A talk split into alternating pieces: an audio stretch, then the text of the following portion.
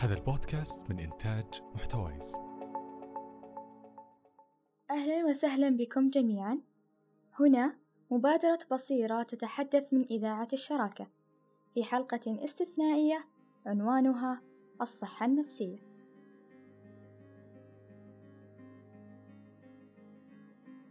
كبداية ما هي الصحة النفسية؟ هي صحتنا العاطفية والنفسية والاجتماعية اللي تؤثر وتتأثر بمشاعرنا تصرفاتنا وطريقة تفكيرنا. برضو المواقف اللي نتعرض لها بشكل يومي وتواصلنا وتفاعلنا مع الآخرين. وتساعدنا برضو على اتخاذ قرارات صحية وجيدة. فمثلا في حال كانت جودة صحتنا النفسية منخفضة ممكن نقدم على اتخاذ قرارات سيئة نوعا ما وتؤثر بشكل سلبي في حياتنا. لما نعرف بالصحة النفسية من المهم أننا نوضح ما هو الفرق بين سوء الصحة النفسية والاضطراب النفسي. كمثال عندنا شخص يعاني من ضغط كبير في عمله. هنا راح تتأثر صحته النفسية. ما راح يحس بإنجاز تجاه عمله أو تجاه نفسه وراح ينخفض عنده الرضا الوظيفي. ممكن تتأثر شهيته ممكن يتأثر النوم ممكن يمر في حالة قلق وضغط مستمرة طوال اليوم. هنا مشكلته هي مجرد سوء في الصحة النفسية بسبب موقف ضاغط فممكن يحتاج فقط آه، لتغيير عاداته اليومية يتعلم مهارات للتعامل مع الضغوط أو ممكن يحتاج استشارة من مختص نفسي. لكن في حال الاضطراب النفسي هنا قد تفيد تغيير العادات اليومية أو آه، تعلم طرق جديدة للتعامل مع الضغوطات والمواقف السلبية لكن ما زال يحتاج للعلاج النفسي بحيث يشوف أخصائي نفسي وممكن برضو يشوف طبيب نفسي في ذات الوقت. عشان يساعدونه على علاج مشكلته والتكيف معها بإذن الله.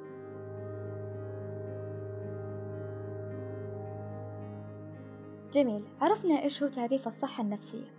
طيب إيش هو الهدف من التوعية بالصحة النفسية؟ وإيش هي أهمية الصحة النفسية؟ ينبع الهدف من التوعية بالصحة النفسية من أهميتها لأنها تؤثر على أمور عديدة في حياتنا منها الصحة الجسدية. فبعض المشكلات الجسدية يكون سببها مشكلة نفسية مثل تساقط الشعر أو آلام القولون بسبب التوتر الشديد. فكلما كانت صحتك النفسية جيدة انعكس هذا على صحة جسدك. أيضا طريقة تعاملك عند مواجهتك مشكلات أو ضغوط في حياتك مثل المشكلات العائلية وكيف ممكن أنك تواجه هذه المشكلات وكيف تقدر تتعامل مع ضغط ساعات الدراسة الطويلة. على طار الدراسة. هل للصحة النفسية أثر على إنتاجية الشخص سواء في عمله أو في دراسته؟ أكيد لها دور جدا كبير. فالصحة النفسية تساهم في ترتيبك للأمور والتعامل مع كل ما يمر بك. أيضا للصحة النفسية تأثير كبير في علاقاتك الشخصية. فكلما كانت صحتك النفسية أفضل كانت علاقاتك صحية وأكثر استقرارا. أيضا تؤثر الصحة النفسية على قدرتك على تقديم المساعدة لمجتمعك وللأشخاص اللي تحبهم حتى في أصغر الأمور مثل الاستماع لمشكلة صديق. أيضا معرفتك لقدرتك وإيش الأشياء اللي تقدر تسويها تساعدك على أنك تتعامل مع الضغوط بشكل جيد.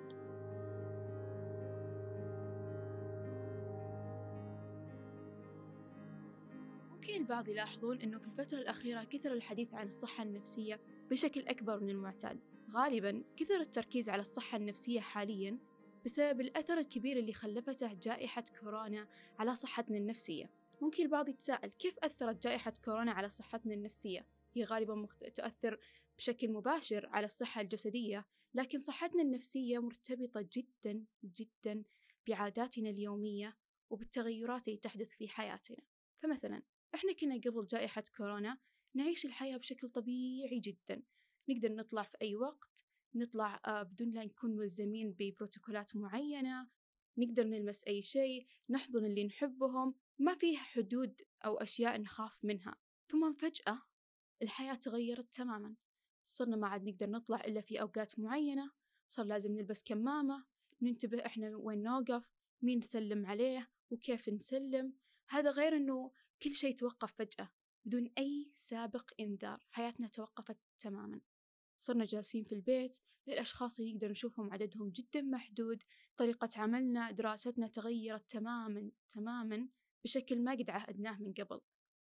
يعني مثل الدراسة ما قد سبق لنا أن ندرس من الأجهزة. ممكن بعض المقررات في الجامعة لكن لو نركز أكثر على حقين المدارس كانت نوعا ما صدمة. فكل هذه الأحداث المفاجئة أثرت تأثير كبير على صحتنا النفسية. ولما نتكلم عن تأثير جائحة كورونا على صحتنا النفسية مو شرط أن نقصد أن زادت نسبة الأمراض النفسية مثلا.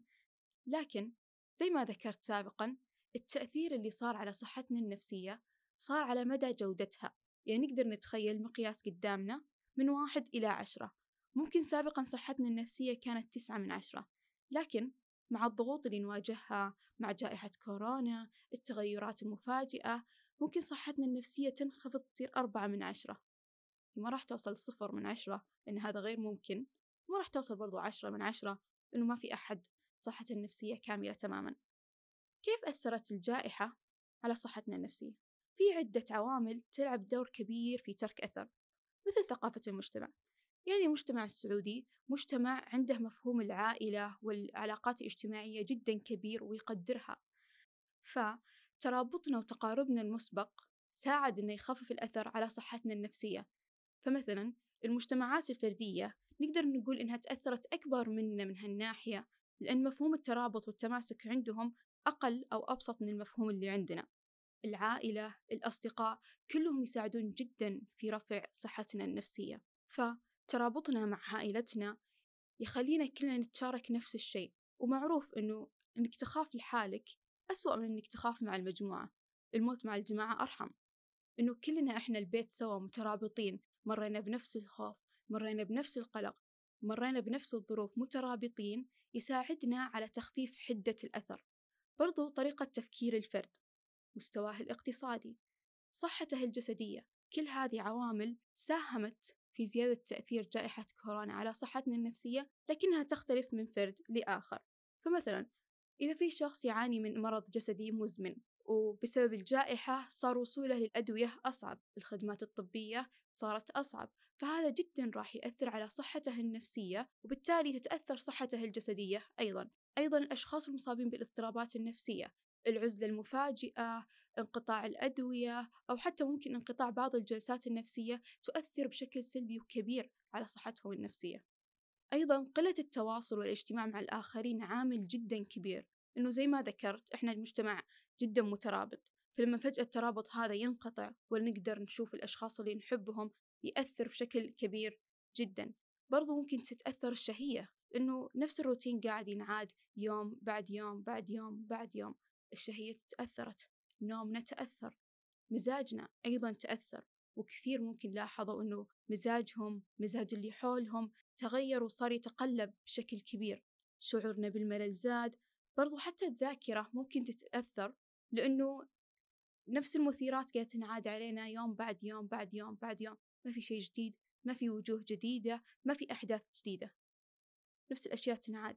فالذاكرة التركيز كلهم انخفضوا عندنا بالتالي المزاج برضو ينخفض عندنا.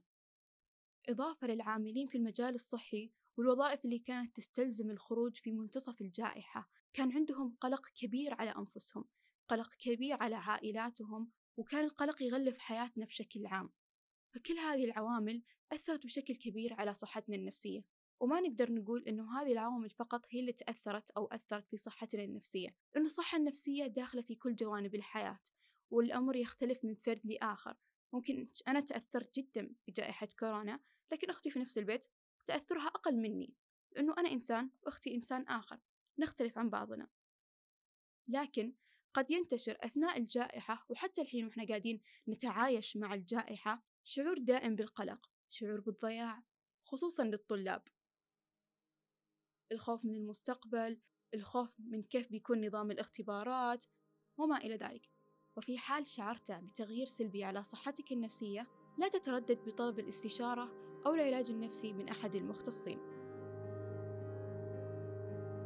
ومن بعض الأمثلة على العيادات الحكومية المجانية العيادة النفسية في جامعة الملك سعود تقدم خدمات للطلاب والموظفين من كلا الجنسين القسم النفسي في مستشفى الملك خالد الجامعي ويمكن لمنسوبي الجامعة أنهم يفتحون ملف بكل سهولة. القسم النفسي في مستشفى الملك عبد العزيز مركز ترابط في جامعة الأميرة نورة وجود أخصائي نفسي في العيادات الأولية والمعنى بالعيادات الأولية هي العيادات الموجودة في كل حي. مركز إرادة المسمى بالأمل سابقا يقدم خدمات نفسية في العيادات الخارجية ولا تستلزم التنويم أيضا القسم النفسي في مستشفى الحرس. طبعا هذه بعض المستشفيات والمراكز اللي تقدم الخدمات النفسية في حال حابين تطلعون أكثر. يمكنكم الرجوع للدليل النفسي الشامل الذي أصدرته اللجنة الوطنية لتعزيز الصحة النفسية.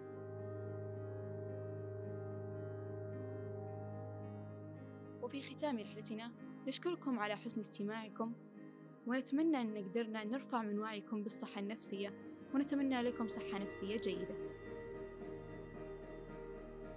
كنتم مع مبادرة بصيرة من إذاعة الشراكة في أمان الله.